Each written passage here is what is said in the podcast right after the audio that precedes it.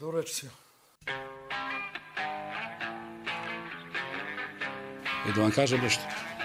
У неделю. Do the same routine, same superstitions. Djeca su pohistersala. Da, brate moj. Партида! Не хистеришите толкова, щаба ми е! Носи дани, не те, Саня. And I always stand up. I never sit down. Ajmo ljudi.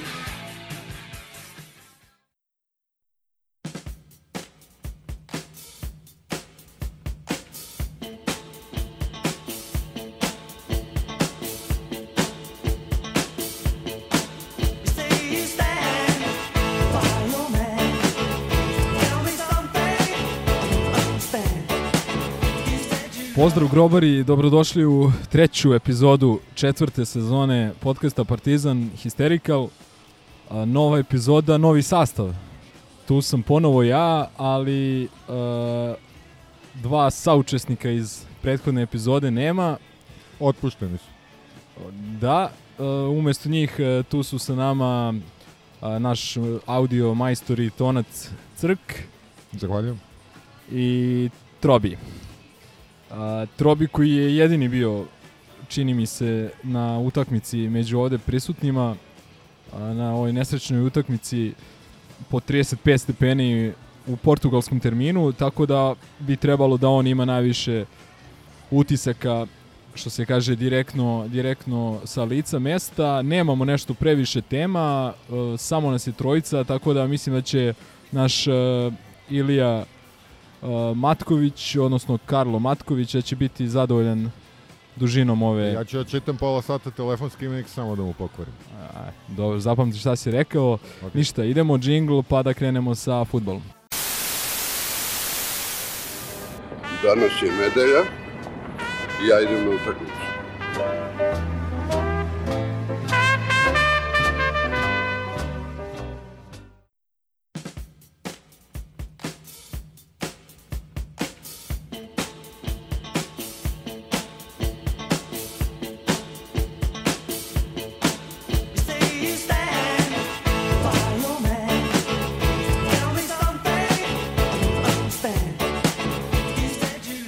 Pa ništa, Trobi, ajde, s obzirom, kao što smo rekli da si jedini bio na stadionu u subotu veče, kako je to sve izgledalo, tebi onako uh, sa lica mesta, uh, kapiram da su bili nemogući uslovi, uh, što bi rekli novinari, nemogući uslovi za igru, uh, ali stvarno je bilo tako, znamo da je u subotu temperatura išla i preko 40 stepeni, uveče je bilo uh, takođe, pretpostavljam, dosta, dosta sparno. Uh, na kraju loša igra Partizana, loš rezultat za nas 0-0, nova dva izgubljena boda i praktično smo se sa titulom oprostili već uh, koji je danas 23. jula što je možda i nezapamćeno. Ajde, koji su neki tvoji utisci? Pozdrav našim dragim histerikalcima. Prvo moram da se u ime svih prisutnih izvinim zbog izostanaka prvih zvezda tima. Nema Gaze, nema Vilija, pa evo i futbolski deo otvara e, neko sa klupe za rezerve. Letnji odmori, sezona letnjih odmora još traje. Ostaje nam samo da ukinemo leto, što bi jedan zgro, na primjer, svakako, svakako podržao. Što se, što se pak utakmice tiče, nije, e, kada si već pomenuo, nije bilo toliko vruće, verovatno zahvaljujući tome što je ipak počelo u portugalskom terminu, eto, najzad je neko smislio pametan, pametan letnji termin. Naravno da to nije, da opet upotrebimo frazu sportskih novinara, naravno da to nije bilo idealno vreme za igru, ali nije bilo tako strašno kao što smo mislili tokom dana da će biti, bilo je na ivici toga da bude prijatno zapravo, negde oko 10 uveče, ne, negde, oko pol, negde oko polovremena. A, iznenađenje nas je dočekalo čim smo stigli na stadion, kad smo videli sastav koji bi Gaza, na primjeru, najboljoj tradiciji engleskih understatementa nazvao zanimljivim. Kada smo videli da nema nigde Filipovića, da nema nigde Markovića, ne samo Lazara, što je bilo očekivano, nego nema ni, Svet, nego nema ni Svetozara. Nema Šehovića, a tu su Lutovac i, Lutovac i Saničanin. Mislim da, da bi pre rekao shocking. I konsenzus Histijevog konzilijuma jeste da je povod tome bila, da je to bila panična reakcija na onaj uh, haos u odbrani koji smo, koji smo gledali u Nišu, da je stolica panično pokušao da uspostavi stanuje sistem u odbrani ili stanuje u ekipu, stanuje u sastavu u odbrani još, još bolje. To to smo, to smo mogli da razumemo na stranu da li pravdamo ili ne, ali vezni red je, vezni red je bio nešto što je bilo teško protumačiti zaista, jer smo imali nominalno tri defanzivna vezna, Djelara, Belića i Andradea, jednog centralnog veznog opšte prakse, pošto Ratko po potrebi u Partizanu igra i gore i dole, i jedno krilo, Terzića. Ne znam kako je to formacijski trebalo da izgleda. Naravno da Stolica zna više futbala od svih nas zajedno, ali ja ne mogu da predstavim sebi kako je to formacijski trebalo ono, da izgleda. Na... Andrade je igrao po strani. na stranu, da. To, što mu zaista nije pozicija. Mislim da smo imali alternativa poput Petkovića koji je kasnije, koji je kasnije ušao u igru.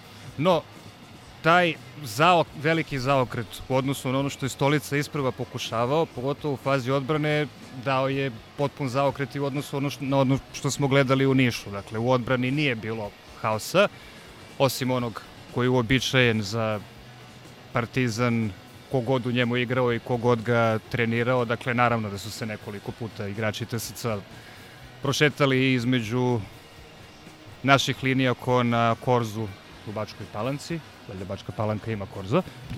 Topola. Da ima. Bačkoj Topoli, izvinjavam se, konstantno ih meša. Da, uh, u Bačkoj Topoli verujem da Bačka Topola ima korzo. Ima katedrala, odlično. U to ne, u to ne sumnjam.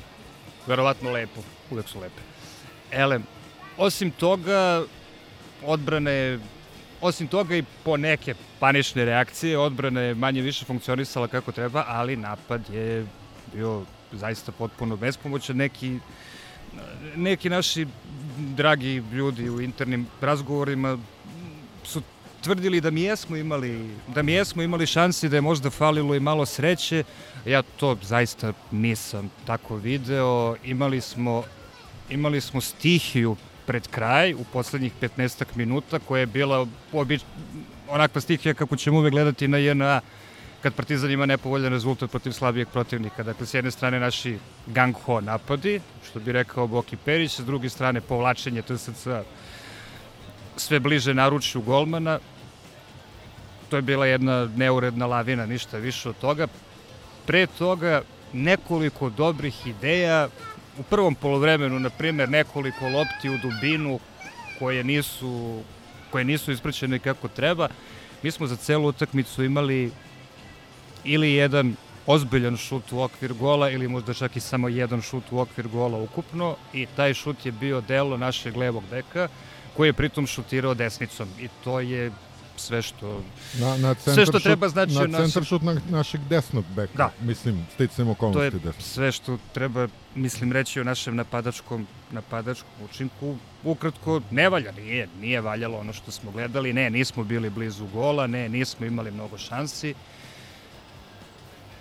I možda najveća kritika koju imamo, mislim da ovde govorimo ime svih, jeste što je stolica nakon jed, što se stolica toliko uplašio nakon jednog kiksa da je pokušao da vrati točak unazad, što ne bi trebalo da radi, trebalo bi da donese nešto novo, ako već ima ideju, neka nastavi da je sprovodi, neka nastavi da je sprovodi u delu. Nije sasvim odustao, mi smo opet pokušavali da gradimo napade od golmana preko odbranbenih igrača nadalje, videlo se i tu je bio jedan ozbiljan kiks koji, koji nije naplaćen, bit će ih još i znamo da mora da ih bude još. Ako već ima ideju, neka je sprovodi, neka je sprovodi u delo. Veoma je rizično ovo što ću sada reći, znam da bi mogao popije mnogo drvlja i kamenja, ali titulu niko ne očekuje ove godine, nezavisno nezavisno od okolnosti, pa onda neka čovek pokuša da sprovede ono što je naumio. Ti nisi slušao prvi history. ne preti se history. Elem, što se detalja tiče, moram da pomenem 9 ili 10 kornera koji smo imali, od kojih ni jedan nije, ne samo da ni jedan nije doneo bilo kakvu opasnost pred golom TSC, nego prva dva ili možda prva tri jedva su do 16 terca stigli. Rekao da, sam... ali, ali, samo da ti skrenem pažnju na našu inovaciju. A, stoje pored no, lopte Natko i Andrade, a da protivnik ne zna koji od naša dva igrača neće dobaciti do prve stative. Što će uneti po svemošnju zabunu njihove redove. Stvarno, prva dva ili tri kornera jedva su do ivice 16 terca stigli, rekao sam baš Stevanu na stadionu, jedva sam, godine su mi bile potrebne da prihvatim izvođenje kornera na prvu stativu, što je inače jedna od najiritantnijih pojava u futbolu. To je pre mnogo godina jedan put prošlo i sada ćemo decenijama da pokušavamo to da, to da ponovimo.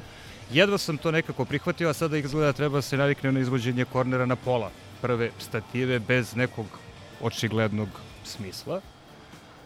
To je kao kritika, a da ne bude a da ne bude sve samo ajde da ne bude sve samo crno, uh, Fuseni Diabate je neko ko deluje zanimljiv, prvi njegov potez, prvo proturanje lopte i protrčavanje pored igrača kada je ušao u igru.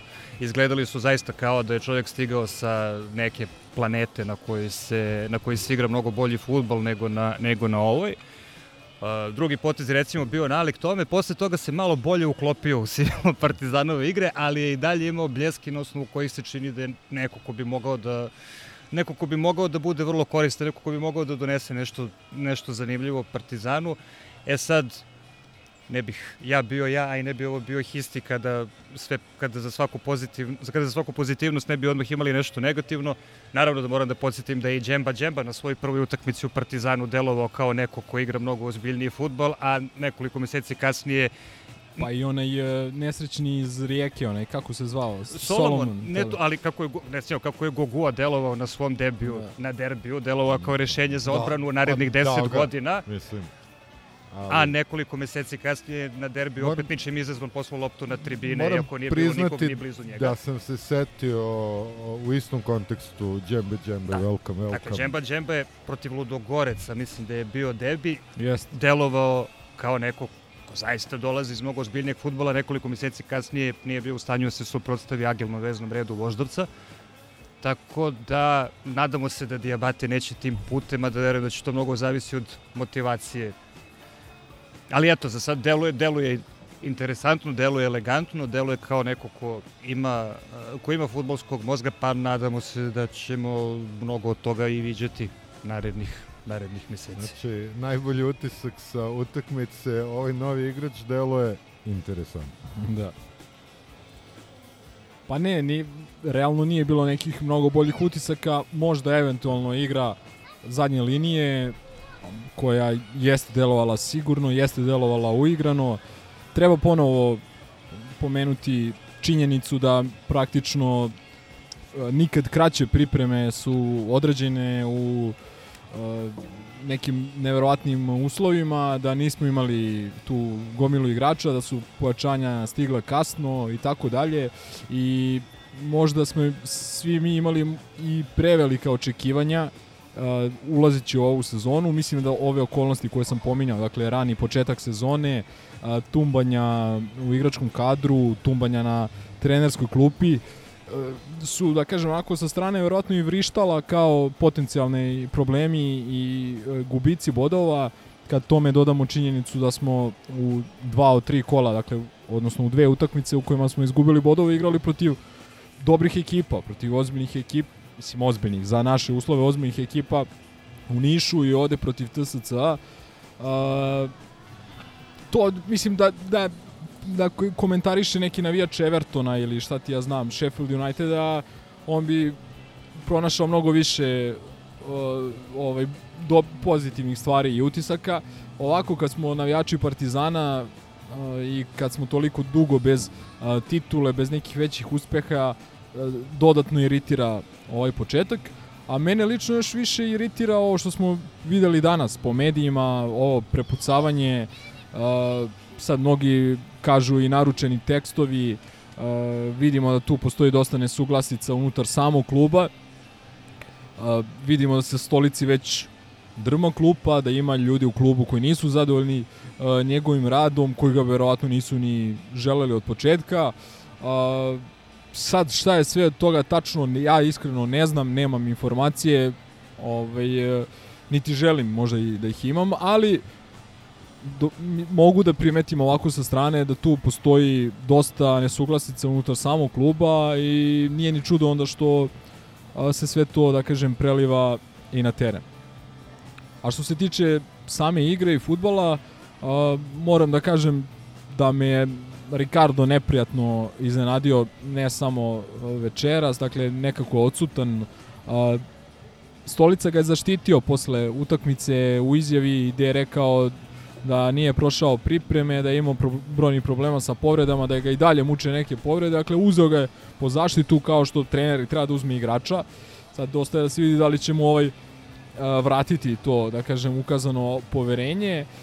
Mm, Natho također priča, danas smo isto pisali, ok, Natko, sve super, ali ako ti on najveći znalac u ekipi, a evidentno nema snage da, da vuče ekipu, čak ni protiv ovih, da kažem, iznad prosečnih superligaških klubova, onda je to već onda je to već problem, a koliko mi se čini, stolica je za njega zamislio i veću ulogu nego što je imao prethodne sezone, bar, kažem, bar mi se tako čini. Naravno, ništa protiv Natha, sve super, majstor, veliki e, i tako dalje, ali, kažem, problem je ako je on u ovakvom fizičkom stanju i u ovim igračkim godinama, ako ti on najveći znalac je igrač od koga najviše očekuješ, onda jebi ga. Onda jebi ga, mislim da je to naslov ove epizode. A, evo, ja ću da iskoristim ovaj, Trobijevo prisustvo. To nije tako čest slučaj, pošto dragi Trobi je sa nama i a, iskoristit ću njegovo prisustvo da otvorim ovaj, svoje izlaganje u ovoj novoj sezoni. A, evo, gde smo sad? A, evo nas a, treći histi, treće kolo. Evo nas a, četiri boda iza posle trećeg kola. Evo nas a, još uvek u sred sezone kupanja. Evo, šef trenutno vežba grčki i preborava grčke traktore. A evo nas u sred tog nekog medijskog shitstorma koji a, pravi još dodatno negativnu atmosferu na, na sve ovo što imamo Dakle, zaključim, evo nas, dakle, što narod veli u govnima. A sad ti, molim te, posvedoči, pošto imamo ove pahuljice koje se žale na foul language koji koristimo, posvedoči da je to jedan sasvim knjiški citat. Naravno, ovo je bio citat Konrada Adriana Rutkovskog iz Pekićevog meni najdražeg dela kako upokojiti vampira i taj je I to je jedan primer Pekićevog savršenog vladanja psovkom koje je legitimno i veoma upečatljivo književno sredstvo. Ako čovek ume da je zavitla kad treba i kako treba u tom u fragmentu vampira koji se završava tom psovkom, Pekićev junak, antijunak Rutkovski, a, piše visoko akademskom stilu koji odaje čoveka izuzetnog obrazovanja, čoveka široke erudicije i nakon redova i redova takvog obraćanja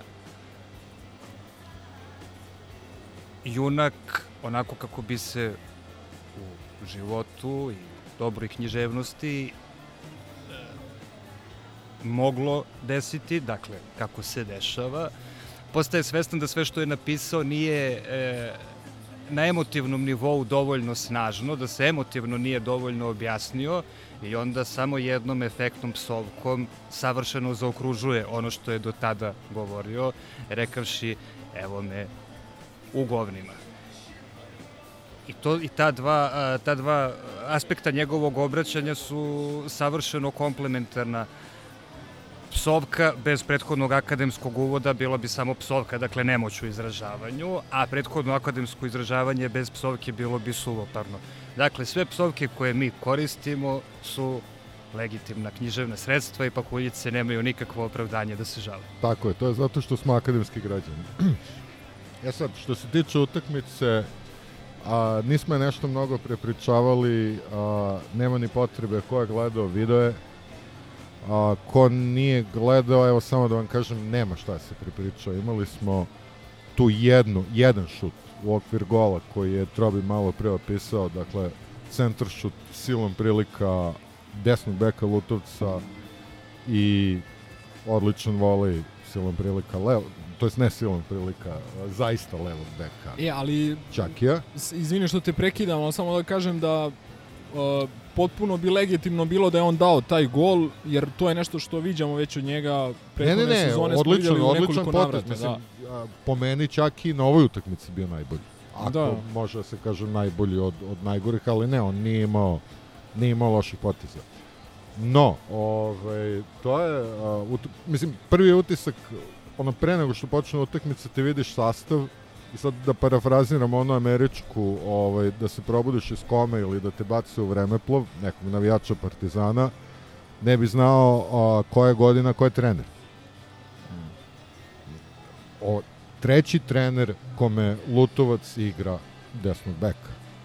A, ja nisam siguran, ali mislim da a, su sva četvorica još iz Savinog doba. Nisam siguran za Saničanin, mislim da jeste. I, i Ćelo. Znači, imamo tu Čekaj, neku... čekaj, pričaš za... e, Za odbranu. Uh, Četvorku odbranu. Saničanin nije. Nije, Saničanin a, nije. Saničanin je došao. Da, Saničanin je Ali došao... Lutovac Urošević... pred početak Lutovac, prošle sezone. ali mislim dovoljno dovoljno je reći ovaj da je Lutovac a, desni bek čovjek koji je igrao sve pozicije u timu i stvarno koji je Treba- doveden kao desno krilo. jeste trenutni ili ili ajde neki budući trener bi mogao da napravi ovaj tu pošalicu na nekom meču gde već dovoljno vodimo da ga u 90. minutu uvede na poziciju golmana da eto zaokruži. I Lutovac koji je, kao što sam rekao, doveden kao desno krilo i u Nišu je bio odličan za ono Kao malo desno vremena krilo, da. na, ne na znam, nisam gledao Nišku jer ovaj, apsolutno nisam mogao nađem stream. Tako sam imao tekstualni E, prenos ne, od ne, vas, ne, nemamo mi ništa da, se. nemamo mi ništa da zamerimo Lutovcu, ovde sigurno niko nema Ne, nikakav on ovoj animozitet prema njemu, on daje šta On može, je na ovoj trudi utakmici se, bio dobar. Ali Ovo dok je njegovo igrao. prisustvo na desnom beku jeste improvizacija. Pa setite se finala kupa. Šta da vam kažem. Znači, a, to je to će doći na naplatu. I znači, to nije rešenje i ne znam zašto pokušavati uopšte s tim. Ove, a, a ova original inače ove e, fraze američke koja godina ko je predsednik, ali to ko je predsednik to ne morate brinuti. To, to, to se nekako ne menja, ali to je u neku ruku uslovilo ovo drugo, da mi Lutovca, evo, po trećim trenerom gledamo na desnom beku. Tako da, ovaj, a, što se same utakmice tiče, a, paradoksalno, nama izgledalo da, je- da je kao, živnuli smo malo a, u, posle one prve izmene kada su Mening i ovaj, Diabate. Fuso. Diabate, Fusa, a? ćemo ga Fusa zvati, kad je Fusa ušao, a i stvarno Fusin prvi kontakt s loptom je bio san snova, ali ako ćemo pravo, pošto sam ja sticam okolnosti ostao doma da gledam ovaj, na televizor, a, statistika je neumoljiva, prvo polovreme je bilo šest udaraca na gol, a, od toga jedan okvir, drugo pet. Znači imali smo kao više inicijative, ali manje konkretni bilo. Sad doprinulo je tu recimo što Menih nekoliko puta ili šutnuo nešto potpuno nerezonski ili ovaj ili centrirao nikom. Ovaj falilo je tu nek, nekih konkretnih poteza. Ali kažem, a, a, mi smo odigrali dva podjednako neproduktivna polovremena, samo što je ovo drugo eto, sticam okolnosti tako delovalo jer smo malo više kao pritiskali, malo, malo nam je neko zapalio petardu u dupe, ali nije, nije pomoglo. I stvarno ne može se reći kao, e, kao nismo imali sreće. Nismo odigrali kako treba. Ok, teški uslovi za igru, teški njima, nije Bačka Topola mediteranski grad. Mislim, a, oni su dobro odigrali, a, dobro su blokirali šuteve, a, bili agresivni, ovo što si spomenuo Trobi, bili su agresivni na našu defensivnu tika taku i to, to je moglo ovaj, da nam dođe glave. A, ne znam, ono, apsolutno slažem se s tim da a, glavna zamerka stolici je što je a, bukvalno napravio to taj neki panični uzmak i krenuo da kažeš odustao od neke vizije i krenuo na, na neko ziherašenje. Toga neće daleko dovesti, ali u svetlu svega ovoga što se dešava poslednjih dana, ovaj, ja bih se stvarno uzdržao od kritike Ilije Stolice, jer ajde ako smo završili utakmicu da pređemo na taj nefutbalski deo oko utakmice i futbolskog kluba Partizan, a, prvo a, zna se ko je doveo Iliju Stolicu i zna se da je on došao ne zato što je bio izrazita želja, nego zato što je bio jedin koji hteo toga se prihvati.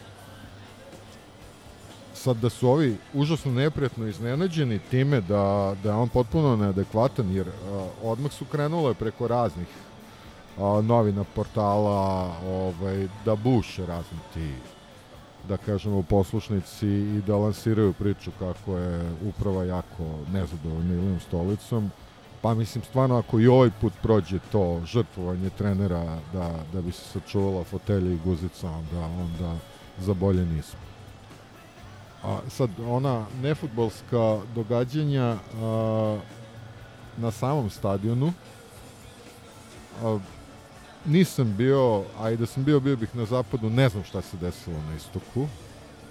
A, konkretno, svi ste čuli, neko je dobio batine zbog a, uvredljive majice na račun vlasnika i predsednika Srbije. Ne zna se ko je, ja iskreno verujem, ili bar volio bih da verujem da to nisu partizanovci u pitanju, a vrlo je moguće da da je neka policija, da je neka para policija, evo imali smo primer prošle nedelje plaćenog uh, obezbeđenja koje je tuklo za, za račun stranke, ali ko će ostati na stadionu posle svega toga? I ja sam potpuno za to da se protera politika sa stadiona. Na kraju krajeva, ako guraš neku agendu, a, ti zlopotrebljavaš partizan. I po meni super, nećemo imati politike. I treba da budemo stoka koja dolazi da divlja i dere se za partizan, a ne za ovo i ono. A ipak a, to skandiranje protiv Vučića je direktan a, direktno a, uzrukovano a, situacijom u kojoj je partizan. I to treba razumeti jer ovaj, čoveku je prosto agenda, ja mislim, jedno, u vrhu agende mu je da, da nas unizi u, u ovaj korist svog rivala i to, to je bolno očigledno. I ajde da kažemo, ja sam odavno prestao da, da se to derem jer mi je. Jer onda čekam da neka nova RSB prenese to i da onda nastavi da da Kenja po Partizanu i mislim uopšte ne to to više ne zanima i ne raduje i kažem po meni ok je da se to, ali povucite svu politiku od Partizana. Povucite, ajde se ne bavimo Rusima, Ukrajincima, ajde se ne bavimo haškim otuđenicima, se ne bavimo istorijom, da se ne bavimo, bavimo se Partizanom. A, nekako a, klizimo ka tome da da mi pokušavamo da budemo a, stup srpstva, najveći Srbi, korektiv društva, znamo ko je to, to su delije sa severa, a, nama to ne stoji. Po meni. Znaš čega se ja plašim? Čemu mi klizimo? Mi klizimo da postanemo a, košarkaški klub Cibona. U smislu da da taj klub više nikoga maltene ne zanima u Zagrebu, da nikoga ne zanima u Hrvatskoj i da ti dugovi koji koji imaju, koji nisu mali, ali nisu ni nepremostivi, da prosto ne mogu da se vrati, jer nema ko da ih vrati iz prostog razloga što ne postoji interesovanje po znacima navoda naroda za tim klubom. Pa nominalno postoji, niko nije prestao da bude partizanovac, samo ih odbijaju. Cibona je druga stvar, Cibona je ipak uh, u neku ruku malo veštačka. A, ne, ne, ja se slažem, ali kažem, bojim se da polako klizimo ka tome da svakim novim potezom, svakim novim dešavanjem na tom stadionu i oko tog stadiona par desetina ljudi odustane od kupovine sezonske, odustane od e, aktivnog praćenja Partizanu, jer ako ćemo realno zbog čega bi i pratili? Mislim, pri, o, snimamo ovo, evo, počinje četvrta sezona, mogu na prste, aj možda ne jedne, ali dve ruke da nabrojim neke epizode gde smo bili srećni, veseli, gde smo slavili neke velike pobede, gde se nešto lepo do, dešavalo, gde su se dovodili dobri igrači. A evo recimo kod tome zbroja na slično. vikendici zato što smo bili pijani. eto. Mislim, bilo je primjera. A bil, ne, ne, bilo je primjera, ali nije ih bilo realno dovoljno i prosto kažem, bojim se da, da se futbolskom klubu smeši ta neka sudbina, pogotovo dok je ova garnitura u foteljama. Slažem se, ali zato i kažem, hajde da, da ne teramo ljude sa stadiona. Ne, ne, apsolutno Hajde da podržavam. znamo, hajde da znamo ko, poentu, je, da. ko je bio na istočnoj tribini, koga je pustio da uđe. Hajde to da znamo. Mislim Jer- da je najveći problem trenutno uh, to što ono što znamo, a znamo ko nam je u upravi kluba, ko je u tim uh, foteljama iz koje ne planiraju da ustanu i da ih napuste. Mislim da je to trenutno problem broj 1 koji stvara čitav niz Jeste, drugih problema. To, to je tako i znamo da je, da je mnogo puta bilo raznih lobiranja kod navijača, raznih frakcija, govorimo o upravi i sličnih stvari. A, druga stvar koja me izrazito ne veselila je a, onaj a, dijalog a, navijača i, i futbalera. Nemojte ljudi, to je ciganski. To je ciganski, nemojte to raditi. Odvratno je. Dobro, E sad, nažalost da ne i, to, bude- i to traje li traje. Traje, znači traje, nije- ali stvarno treba, mnogo kasnije se kod nas zapatilo, ovaj, negativno je, odvratno je, a, ali da ne bude sve tako crno, moram da pohvalim to što a, je konačno vrlo glasno skandirano protiv uprave. Da, bilo je neke parole. Tako je. Ovaj, I ja se nadam da, da će to dati nekog rezultata, ali ako nas na sledeću utakmicu dođe 650, uh, mislim da će ovaj zaboleti ćošak. Pa ja da- iskreno da sumnjam da će to dati pritiskom. Pa ne znam, ajde da ih vređamo pa da vidimo dok. A, e, nekako ja Partizan a, poslednjih pa ajde možda i, de, i 10 godina, ali manje od 10 godina vidim kao a, kao što Lutovca vidimo sada u ovim pojavnim oblicima, čas na levom beku, čas na desnom beku, čas na desnom krilu, čas vamo, čas tamo, tako isto i naš klub apsolutno vidim e, kao klub koji nema nikakav pravac, koji ne zna u- kako će sutra poslovati, šta će raditi, koji će stav po određenoj temi uh, zauzeti. To je jedno lutanje uh, i što je najgore od svega ili što je najbolje od svega, kako se uzme, a, malo, malo pa se zadesi neka srećna okolnost. Uh, ne znam, podsjetit ću reakcije kada je Savo Milošević postavljen za trenera, čovjek koji u tom trenutku i nije bio trener, uh, gde smo svi mislili to je to, kraj, stavljaj ključ u bravu i tako dalje, onda ti se desi neki molde... Dobro, vidi, a on je došao umesto Bati Mirkovića, koji takođe nije bio. Ne, ne, slažem se, ali mislili smo da će biti čak i lošije, pa se nešto desilo. Ok, k- uh, krajnja računica, imali smo taj uh, te duele sa Manchester Unitedom, taj prolazak uh, u Moldeu, Imali smo sumin dribling. E, to posam. O, imali smo neke pobjede u derbijima i tako dalje, ali opet nismo ništa značajno osvojili. Pa onda desi se ono što se desi, on ode, dođe stanuje koji opet ozbiljniji trener od njega, da se ne lažemo.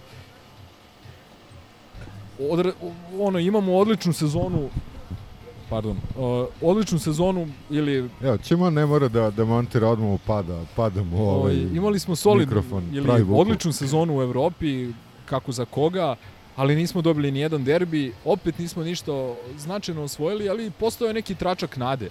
Tako isto i sad se ne usuđujem da kažem da moj, mi možda nećemo proći ove Danci ili Kiprane, da se neće ući u Ligu Evrope, da ova gospoda iz uprave ne reše još jednom da ono uh, kako se zove pređu preko svega, da izgledate neke svoje e, nesuglasice, ali bojim se da ćemo opet doći u maj mesec, da će nam opet faliti pola tima za narednu sezonu, da će opet otići neki nosioci igre, e, da se opet ništa neće osvojiti i sve tako u krug. Znaš. A jasno je da hoće, jer a, pod jedan ne postoji nikakva vizija. Da. Znači, postoji interes a, i postoji ta a, prosto neverovatna, ovaj, neverovatan nagon za održanjem u, u fotelji i to je to. A ne mogu da kažem da je neverovatan, jasan je zbog profiterstva. I tu je, tu neko profitira od, od našeg, da kažeš, zajedničkog dobra. E sad, što se tiče a, same priče o tituli, a,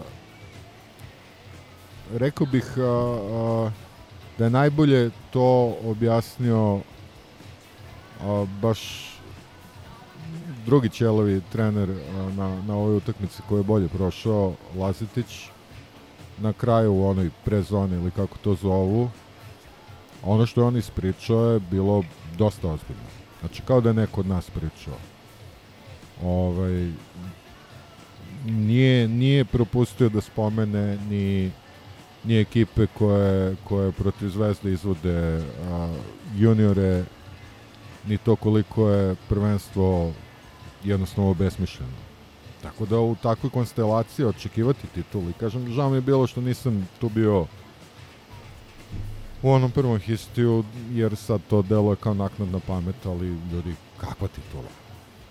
Pa dalite se titule, hajde da hajde da svedemo neka svoje očekivanja na, na realna, ali hajde da ne dopustimo da, da budemo opasni, hajde da pokušamo pravimo neke izmene, hajde da naj, najorimo vazuru krmka iz, iz uprave. Mislim, Vučiliće mrzim više, iskreno, ali Vučilić nešto i ne radi. Vazura Uzilijeva je najveći problem trenutno. A ne da, ovaj, i mislim, po meni, a, imamo to nešto što bi trebalo da radimo. Da igramo Evropu, da razvijamo neke igrače, da pokušamo da zakrpimo finansijski bunar, jer mi nismo budžetski korisnici kao ovi preko puta, a ti da se takmičiš protiv nekoga koji ima neuporedivo jače financije, koji ima namešteno, namešteno prvenstvo, a uz to i sudije, ajde, molim vas, mislim, odrastite je. I uh, ajde, krenite ono od sledeće utakmice s tim, mi se borimo za drugo mesto, uživajte u futbolu koliko možete, nemojte sebi nabijati pritisak, ako čekate titulu, samo ćete se nervirati. Samo frustracija, neće toga biti. Ali ponavljam, nemojte zaboraviti ko nas je doveo do ovde. I, i treba, trebalo bi nekako stalno da vičemo upravo napolje i onda kad pobedimo 5-0. Partizan trenutno vodi grupa ljudi kojima niko pri čistoj svesti ne bi dao da vode ni stado na ispašu. Ne bismo ni mi naravno, jer Histi veoma poštuje životinje i tokom snima na Histerikala nikad nije povređena ni jedna jedina životinja, ako izuzmemo po neki pojedini burger. Ali testirano je na životinjama, pošto često kad, kad montiram kućići čuju. Ovo mator više neće u stvari, već je gluva, ali ovo drugo. Ele, ta, ta, je početna, ta je početna tačka jasna i valjda i nema potrebe da je ponavljamo iz emisije u emisiju, iako sam saglasan sa crkom da možemo da ponavljamo iz emisije u emisiju i iz utakmice u utakmicu pogotovo, ali ne moramo, ne moramo valjda posle svake rečenice da, da pominjemo da je uprava ta čija je krivica i na početku i na kraju nevolja Partizana. Valjda smo se dovoljno puta izjasnili o tome do sada i valjda iz toga i proizlazi da u bilo kakvom sukobu uprave i stolice, barem sad stvarno govorim o sebi, naravno da stojim na, naravno da stojim na strani stolice i zbog svega što o upravi mislim, a teško bih našao grup, malu grupu ljudi o kojoj mislim gore nego što, nego što mislim o njima i zbog toga naravno što ni jedan ozbiljan klub ne smenjuje trenera nakon dva nerešena rezultata. Tako da nam ostaje samo da ostane samo da razmislim da razmišljamo šta bi moglo da se uradi. Naravno neću da se pretvaram da da imam rešenje, nemam ga. Mogu za sad samo da kažem šta sigurno nije rešenja, što vredi pomenuti jer se ta reč ponovo, ponovo pominje prethodnih dana. Bojkot sigurno nije rešenje, jer a, ako Partizan u narednih nekoliko nedelja napravi još neki kiks, ako ne prođemo u grupne faze, bilo Lige Evrope, bilo Lige konferencija, i ako ne dobijemo derbi 31. augusta, broj gledalaca će svakako pasti da. na, na oko hiljadu. Govorimo o spontanom bojkotu u tom slučaju. Go, broj gledalaca će svakako pasti na oko hiljadu i bilo kakav bojkot niko neće ni primetiti, a drugo još važnije, bojkot se naravno ne iscrpljuje samo u nedolasku negde, neprisustovanju, nečemu, neučestvovanju ne, ne, ne srpljuje se neučestvovanjem u nečemu, podjednako je važno ili je još važnije ono što se od onoga što se ne radi kada čovek bojkotuje nešto, podjednako je važno ili još važnije ono što se radi. A to bi značilo da bojkot ima smisla samo ako bi se ispred stadiona ili u centru grada ili na, bil, ili na, ili na ušću ili na nekom proplamku, nije bitno,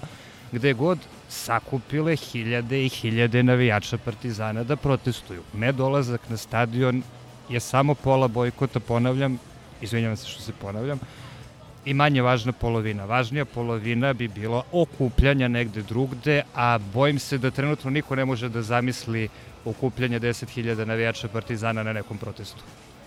Ni 5.000.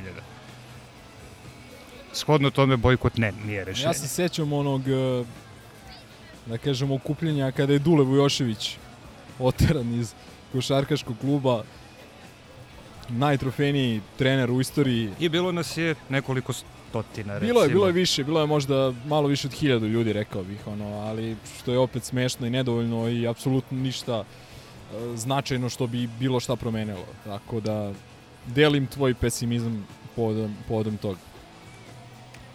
Ne, apsolutno, ovaj, bojkot uh, i kada je bilo mnogo više ljudi koji su učestvovali u bojkotu, govorim tamo ono, nekoj 2005. nije doneo baš ništa. A šta je donelo?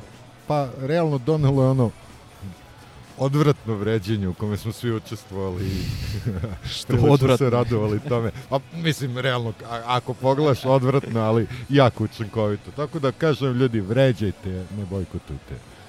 I stvarno ovaj a a to šta još nije rešenje a, za nas bojkot, a za ceo klub smena trenera svakako u, u trećem kolu pred a, a, evropske utakmice a, smena trenera, pa da je ne znam kolika neznalica. Ovaj, ajde, možda nije dorastao nekim vrhunskim dometima, ali sasvim sigurno nije tolika neznalica. Ti sad smeniš, što ne, koga dovedeš? Kizu Milinković, ne znam.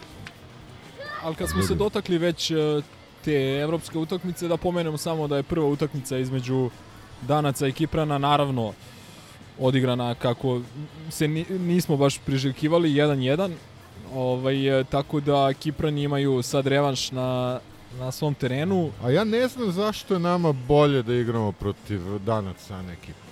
A zato što... Zašto protiv je, Kiprana, a ne Danac. Pa zato što su Danci jača ekipa, individualno... A ja sam od Kipra navuko ovaj, Da, nemamo baš najbolje iskustvo sa njim. Tako da, A ne, znam, ne po, Imamo pominjao, pominjao sam baš u prethodnoj epizodi, o, ova Larnaka je možda uporediva ili ajde, malo jača od Anortozisa od prošle godine, znaš. Pa i s njima smo se malo... Pa jesmo, ali zahvaljujući tome što smo, ne znam, ta, ono, ostali bez 3-4 igrača bitna pred, pred tu utakmicu uh, i realno sa, sami smo sebi napravili Onako problem. Da, da smo nosili holtere, ja mislim da bi e, pokazalo da je e, pa 85% prisutnih srce stalo kod onog šuta u 95. minutu. A ono, i dalje ne mogu da verujem da nije ušlo u gol. Da, da, to što, ne, što je mudrac Crk da. rekao još tada na stadionu, ovo je za sve praktične svrhe ušlo u mrežu. Da, da. ovo je trebalo da uđe u mrežu, Apsolutno, uzimajući da. obzir sve što se događalo. U skladu s Partizanovom tradicijom je da to ulazi u mrežu, dakle ušlo je u mrežu. Apsolutno, da. U književnosti mi smo izgubili tu utakmicu. Tako E, je. ali znaš šta je interesantno, ono, a, č- nije ušlo, znači jednom u sto puta nije ušlo i mi se opet te utakmice sećamo Pa trauma mi je sve jedno, tako. je. totalno nam je maltene sve jedno, znači ono poniženje, stres, level milion. To A vidi bilo i jeste, razumeš, jer ti, izvini, ovaj, par minuta nakon toga završila se utakmica, mučeni trenutni trener Stanović radi ono rukama, raduje se, a šef raz, lomi svoj kišobran o, stolicu i, i puši mu se ćelo, zvanična histi frizura. Mislim, E, a bilo takva je je, situacija bila. bilo je milion primjera gde samo da nije ušlo nešto tako, Jeste. bilo, bili bi Jeste, ono, bili bi na najsrećnija mesecu, znaš. sveta, ali već je toliko puta ušlo Da, da. jebi ga, ono, znaš. Ovaj, Dobro, ali smo iskukali ovaj futbol, ili ima još nešto Pa, da, mislim- da, da zakukamo? Mislim da nema ništa. Da, dobro. Sad ćemo malo na tvoje igralište. Idemo Ajde. džingl, u stvari idemo po pivo, džingl pa, pa lenzi. Važi.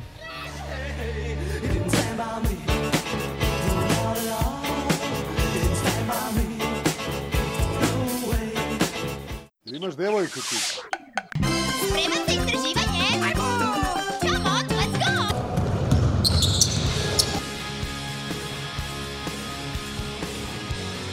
Just gonna go out, get my blood, sweat, and tears.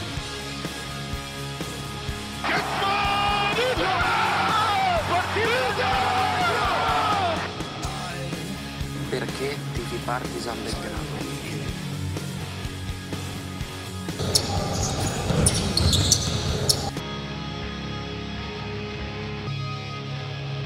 Mogu samo još nešto da kažem o ABA ligi. Yes, sir.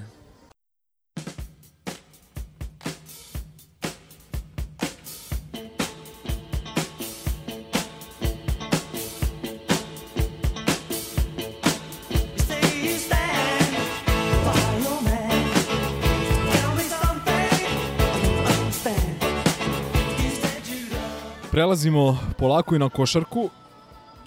E, Nije bilo previše... Ček, čekaj samo zamolimo neodgovorne roditelje vežu decu, pa da nastavimo. Nije bilo previše dešavanja u odnosu na našu prethodnu epizodu, ali bilo je jedno bitno, a to je potpis i zvanični e, Joanisa Papa Petrua, bivše kapitena Panathinaikosa i zaista... I Mustafe koji je igrao za Olimpijakos. Tako je. Ali on je, boga mi, već, čini mi se, četiri sezone igrao za Panathinaikos, tako da je to već davna prošlost. Ružno. Ružna, da. Uh, ali dobro, mi nemamo šta tu da mu opraštamo, to su neki drugi valjda mu već oprostili. Ovaj, uh, uglavnom, uh, de, definitivno jedan od interesantnijih igrača na toj poziciji uh, krilnog igrača, odnosno trojke. Uh, odlikuje ga fantastično telo za, za evropske uslove košarke, sasvim pristojan i solidan šut. Uh, za tri poena jak je onako i u napadu driblingom ka košu, nije naročit asistent, mada ume i razvijao je u Panathinaikosu i uh, taj element svoje igre, ali ono što je takođe bitno, to njegovo uh, pomenuto telo mu ovaj dozvoljava da da odnosno omogućava da igra sasvim dobru individualnu, a boga mi i timsku e, odbranu. Kao što sam rekao, uglavnom igra na poziciji e, trojke, međutim nema nikakav problem da se spusti na poziciju 4 gde u napadu može da širi, a u odbrani uopšte nije e, nije inferioran čak ni na toj poziciji. Do, dolazi iz jedne turbulentne sredine kakva je Panathinaikos uh, nazad nekoliko sezona. On je bio lider te ekipe, bio je, kao što sam rekao, i kapiten. Ali, ali nije bio u planovima. Da, čuli smo da nije bio u planovima ovaj, novog trenera Panathina, Panathinaikosa. Uh, tako da vidjet ćemo, ja sam izuzetno zadovoljan ovim uh, potpisom. Uh, mislim da sa tim potpisom na fantastičan način zaokružujemo poziciju uh, 3 i ono što je takođe bitna stvar je upravo što je i on taj polivalentan igrač, ajde da se upotrebim tim futbolskim izrazom može da odgovori na dve pozicije, može da se spusti u nekim varijantama na poziciju 4, a za poziciju 3 stvar, stvarno ima fizikalije i atletske predispozicije uh, ozbiljne, ozbiljne za Euroligu. Takođe, šta bih uh, pomenuo je da je on možda ne statistički i po brojkama, ali je rekao bih i najbolju košarku igrao u Panathinaikosu, onda kada je Rick Pitino bio trener, kada je Panathinaikos bio aps, apsolutno ozbiljnija ekipa u odnosu na ono što je postao u prethodne dve sezone, kada je igrao na kraju krajeva playoff Evrolige, ostvarivao mnogo više pobjeda i tako dalje. Čini mi se nekako da on tu bio, da je bolje tu izgledao, da je bolje tu igrao, dakle u jednom ozbiljnom sistemu kada je trener bio ozbiljan, kada su zahtevi bili veći i što kažu ulozi, odnosno pla, plasmani u, u top 8 i posle ovaj borba za, u play-offu. Uh, ono što smo takođe mogli da čujemo je da je on da ga je naravno telefonski poziv. Alo je. Alo je.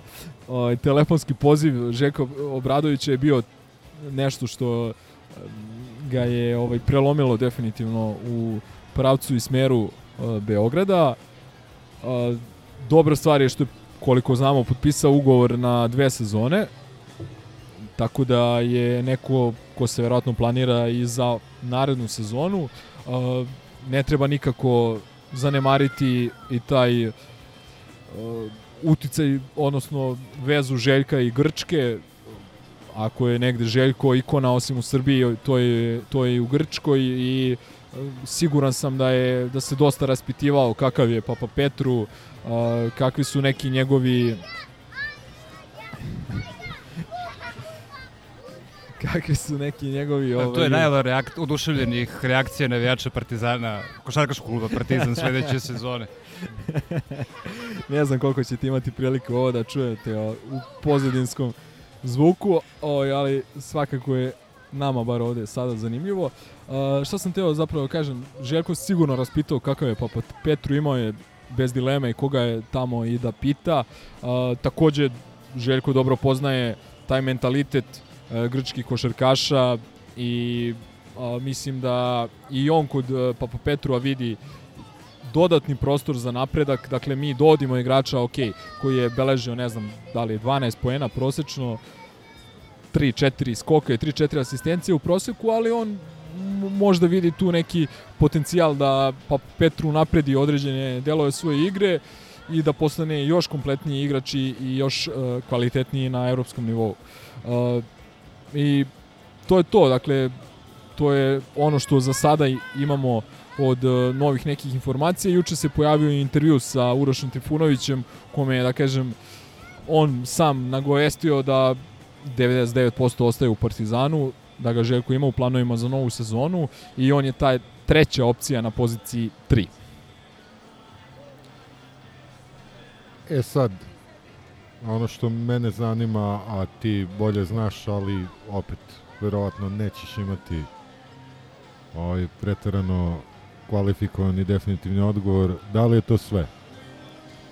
Mislim da nije. Mislim da nije sve. Da li jurimo pleja, da li jurimo centar? Šta ti misliš? Ja mislim da sigurno jurimo jednog visokog igrača iz prostog razloga što videli smo i sami da ta centarska linija naša, odnosno li, te pozicije 4 i 5 da su bile ok, ali da nisu na kraju krajeva uspele da nam donesu ono što nam je trebalo, a to je a, trofej ABA lige. Videli smo pojedince od kojih smo više očekivali da su ih neki po meni skromni igrači nadigrali u finalu ABA lige.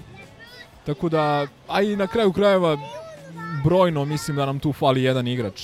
Prosto uh, Balša, Tristan su suviše mladi da bi se na njih zaista računalo u Euroligi kao ono sigurna stvar što ne znači i da Ne, jasno, neće oni postati... će napredovati, to, to je jasno, ali mislim da nam tu fali ovaj, snage. Fali, fali sigurno, fali sigurno, mislim da nam fali tu iskakački neko jako uh, onako dominantan, videlo se da nam to predstavlja problem u finalu ABA lige sa, ka, kao što sam rekao, postojećom ovom e, linijom e, visokih igrača.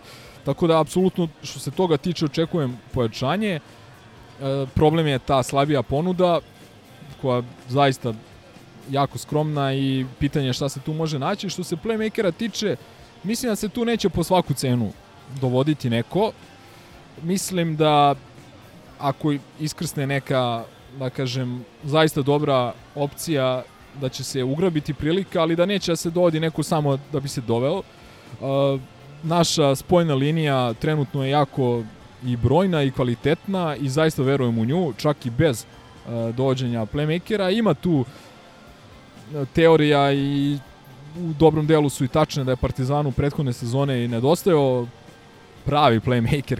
Ovaj, mada tih pravi playmakera je stvarno malo i drugi timovi osvajaju, osvajaju trofeje i bez tog nekog pravog playmakera. Ja mislim da je uh, prethodne sezone koliko je nedostajao taj pravi playmaker, po znacima navoda pravi, toliko nam je nedostajalo i nešto drugo, a to je pouzdan šut za 3 poena u većem delu sezone, posebno sa tih krilnih pozicija gde smo promašili bezbroj otvorenih trojki. Uh, falio nam je uh, nešto bolji skok, kontrola skoka, uh, u određenim utakmicama, u bitnim segmentima igre. Uh, falilo nam je malo više, da kažem, prepoznavanja i, i boljih odluka u odbrambenim nekim preuzimanjima, gde smo u samoj završnici pete utakmice primili neke glupe poene, pa i onoj drugoj utakmici koju za malo da dobijemo, ovaj, da i breknemo. I tu smo, kad smo ih uh, ovaj, stigli u četvrtoj četvrtini, smo dopustili nepotrebno dve trojke koje su mogle da odvedu, da kažem, u drugom smeru tu utakmicu. Tako da falilo je tu nama dosta toga, nije nam falio samo playmaker, tako da vidjet ćemo. Sad ima nekih drugih opcija, mislim da sa pomenutim Papa Petrom i Nanelijem uh, neće se više toliko skupljati odbrana, mislim da će više prostora za, u prodor igri imati uh, Avramović i Egzum, kojima je to, da kažem, ono, glavna stvar. Mislim da će Panter biti dosta rasterećeniji, da neće samo on biti ono čuvan od strane protivničkih najboljih odbrambenih igrača, da neće više biti toliko udvajan i tako dalje. Tako da očekujem iskorak određenih igrača koji su bili tu prethodne sezone, a koji će ostati ili nadam se ostati i naredne. I kad smo već kod Pantera, treba pomenuti u njegovu partiju pre neko veče koja je zabrinula mnoge navijače Partizana. Uh, to je neka dru liga, neka, da kažem, malo organizovaniji ono, ulični Dobro, basket. ljudi igra, znači. igraju u blokovima basket. Da, da, ali to ovo je malo organizovanije, mislim košarka je 5 na 5 je, ja koliko znam i pojavljuju se ozbiljne NBA zvezde i nekako igraju za svoju dušu. Ne znam kako to, ne, ne, ne postoji primjer ovde. Ovde su ono malo preplašeni od nekih povreda i tako dalje. U Americi je to najnormalnija stvar. Čak i LeBron James učestvuje u nekim tih utakmica. Na kraju krajeva Panter koji je bio čini se najefikasniji iz 26 poena, igrao je protiv ekipe gde je igrao ovaj Trae Young koji je, ono najbolji strelaca NBA lige i svakako jedan van serijski igrač.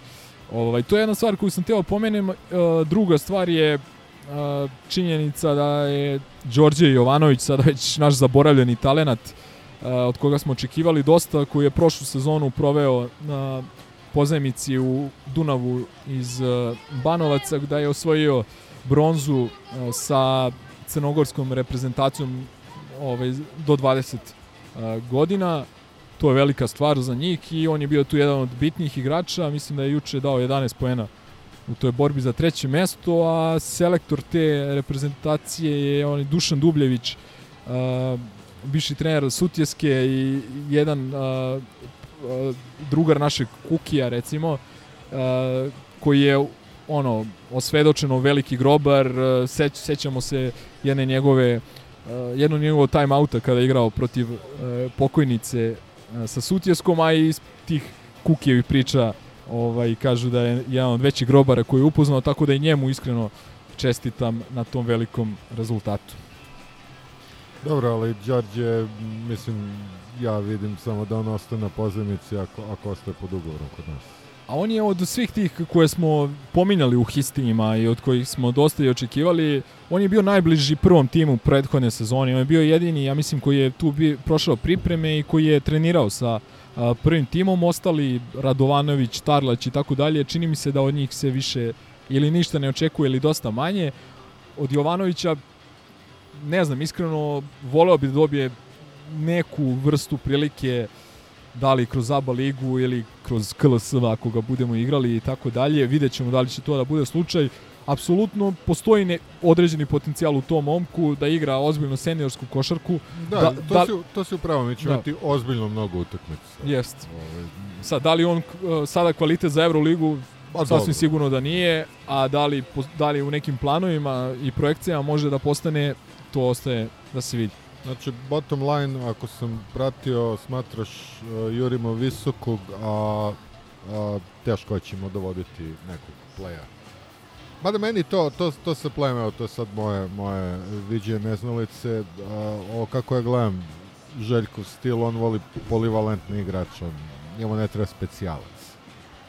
Tako da, ovaj, nisam siguran koliko, koliko je on zaljubljen u ideju da ima ono, Pa nije, tipičnog playa. A, znaš kako, ima a, ne, ne bih rekao da ćemo teško dovoditi, dovoditi playa. Da, da a me, mislim ako iskrsne A, znaš ako iskrsne neki gos ili šta ti ja znam, ja mislim da se ta prilika neće propustiti. Eto, ja mislim da sam dovoljno jasan. A, da se dovodi... Dobro, ako gost iskrsne to, to se ne propušta. Pa da, ali da se dovodi lupam sad Renfro sa 36-7 godina, to u tom smislu ne, ne mislim da će po svaku cenu dovoditi, nego stvarno ako bude nešto što zadovoljava kvalitetom ambicije Partizana u narednoj sezoni, takođe vodeći, vodeći računa da taj igrač i to dođenje ne pokvari neke druge projekcije, da neki drugi igrači postanu nezadovoljni, nestrpljivi i, i, i tako dalje. Ovaj, koliko god da bude utakmica i koliko, a bit će ih naredne sezone, ovaj, e, tako da... A, bit će i ova treća liga.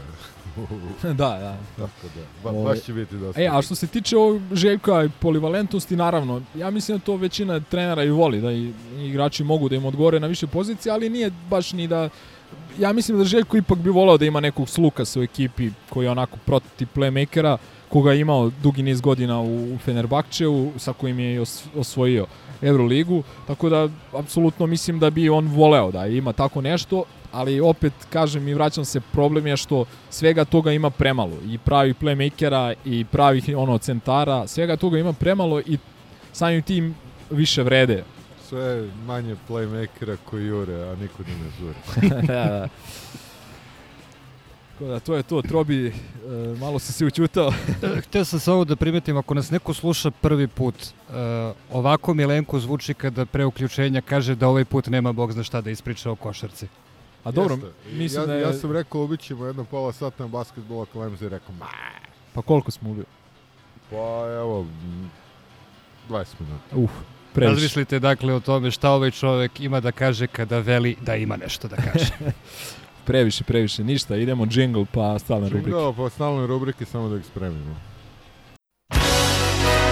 Malo sam umoran i od taktike i od nameštanja utakmica, a ne nameštanje utakmica, nego nameštanje spremanja utakmica, jer uvijek mi zvuku iz konteksta to što prevodim s italijanskog.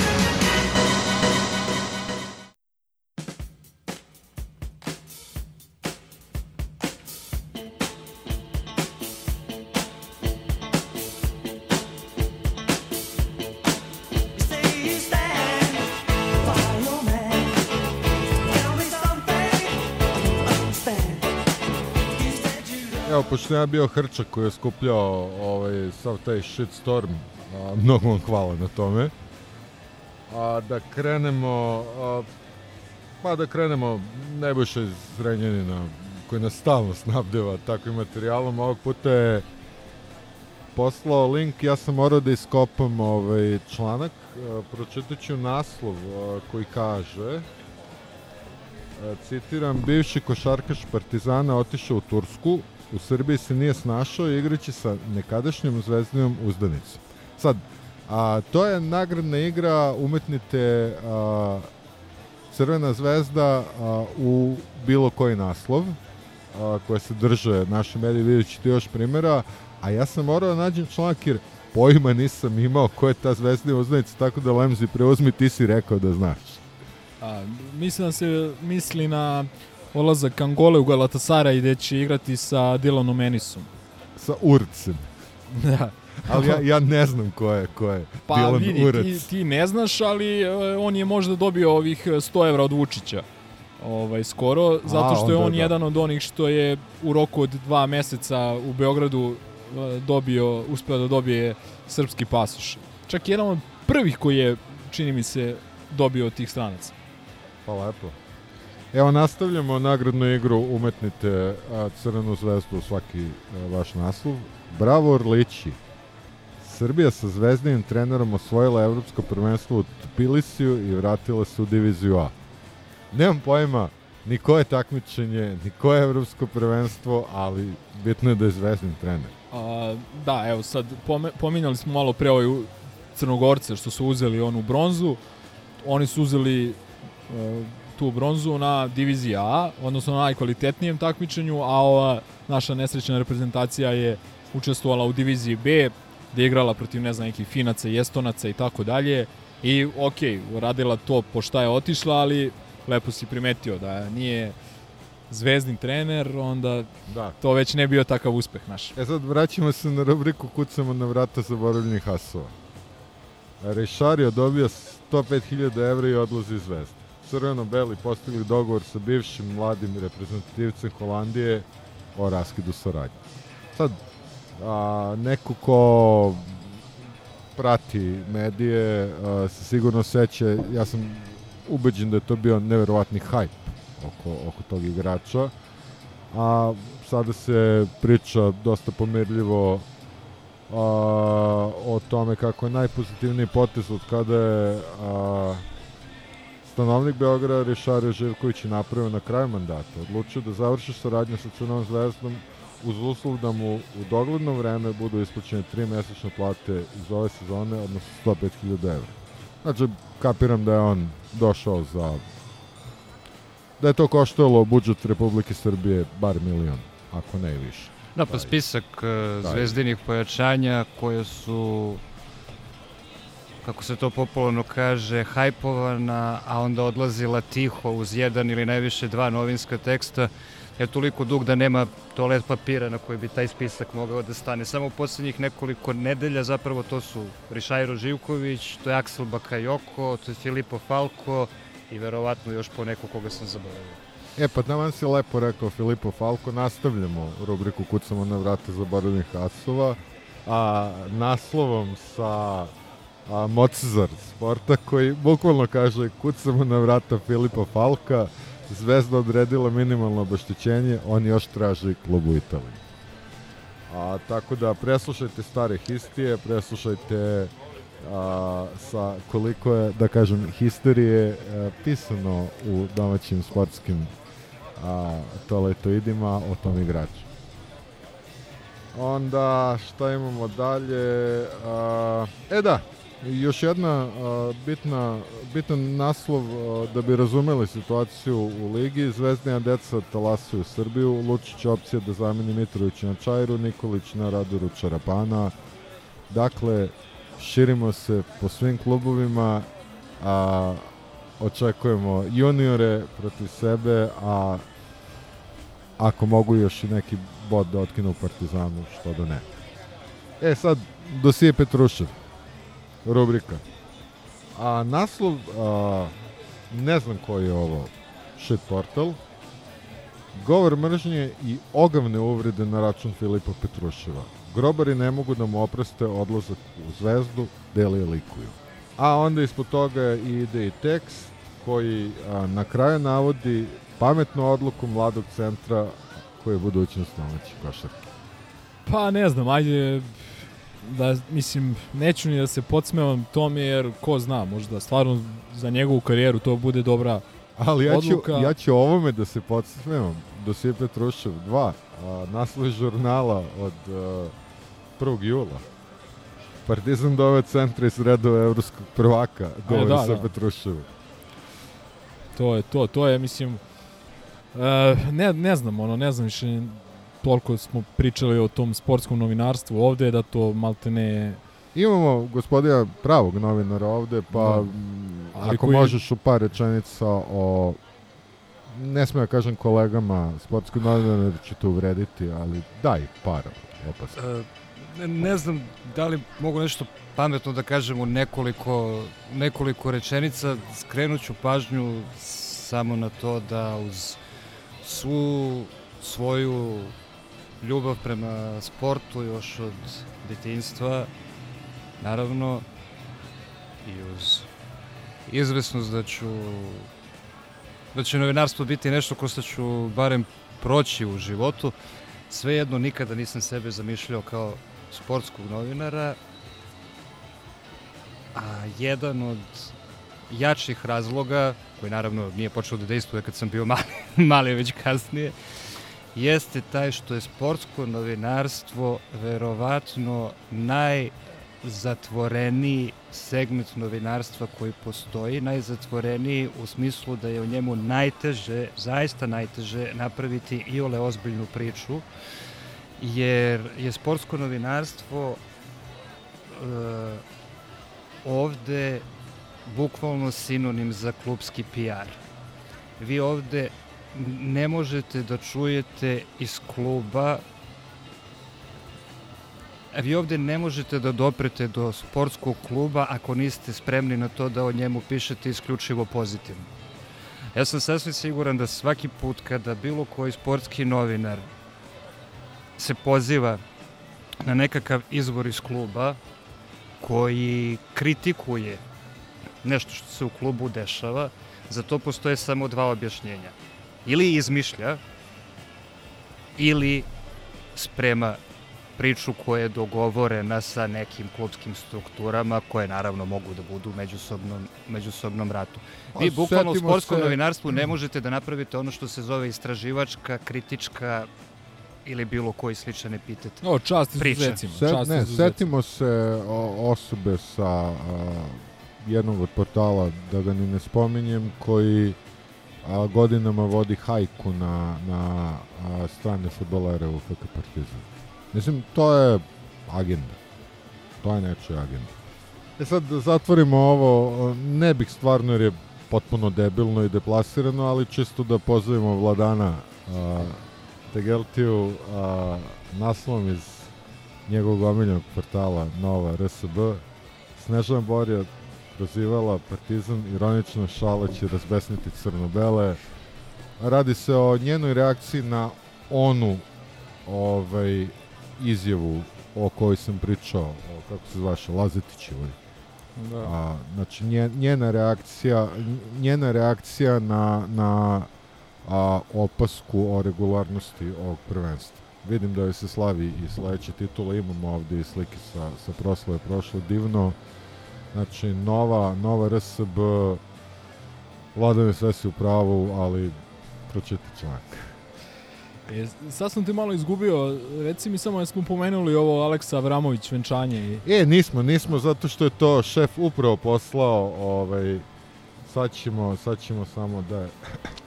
Mislim, stigla je komanda direktno sa Halkidikija.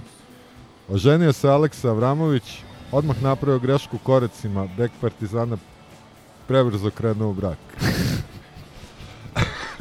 Bojim, bojim se da će odmah i da ga plasira na pogrešno mesto u stilu onih bacanja u aut i to znaš, ali Ma sad... ništa, me, vidi, mene raduje to, ovaj, jer onda, znači da ja još, meni još nije vreme, pošto sam ja tu ti da. godina kao, kao Ti Avramović. treba prvo naći devojku. Ovaj, šta sam teo ti kažem, ajde onda sa time polako i da... Jel da, imate a, neke, neke želje čestite? Da, upravo, upravo sam to hteo da iskoristim kao ovaj, da pozdravim Aleksu Avramovića i da mu čestitam. A, on kao sluša jeste. Pa, kao i 99% drugih ljudi koji, koje smo pozdravili ne sluša, da, ali ovaj, to nas ne sprečava da budemo fini i kulturni i da mu poželimo sve najbolje u, u bračnoj zajednici i, i u narednoj sezoni.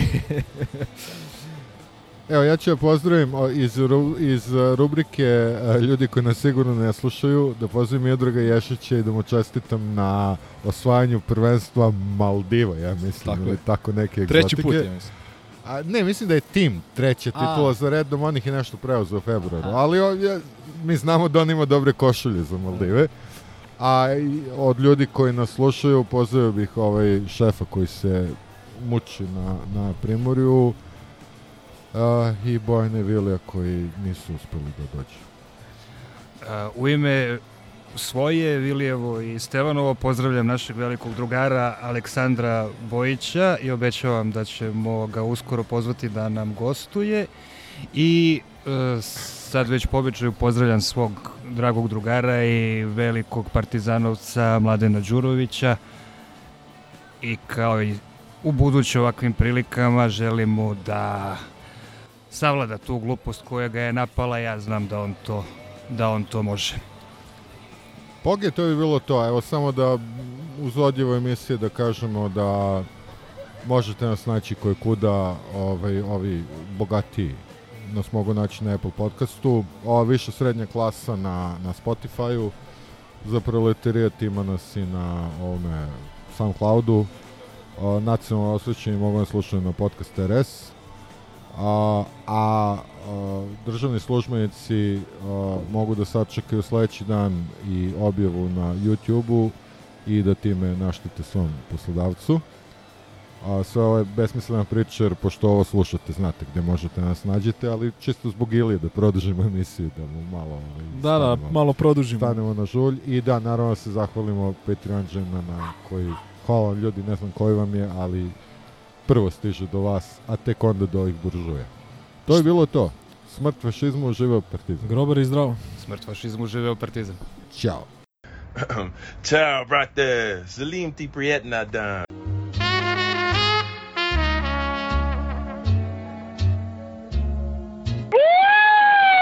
Bye.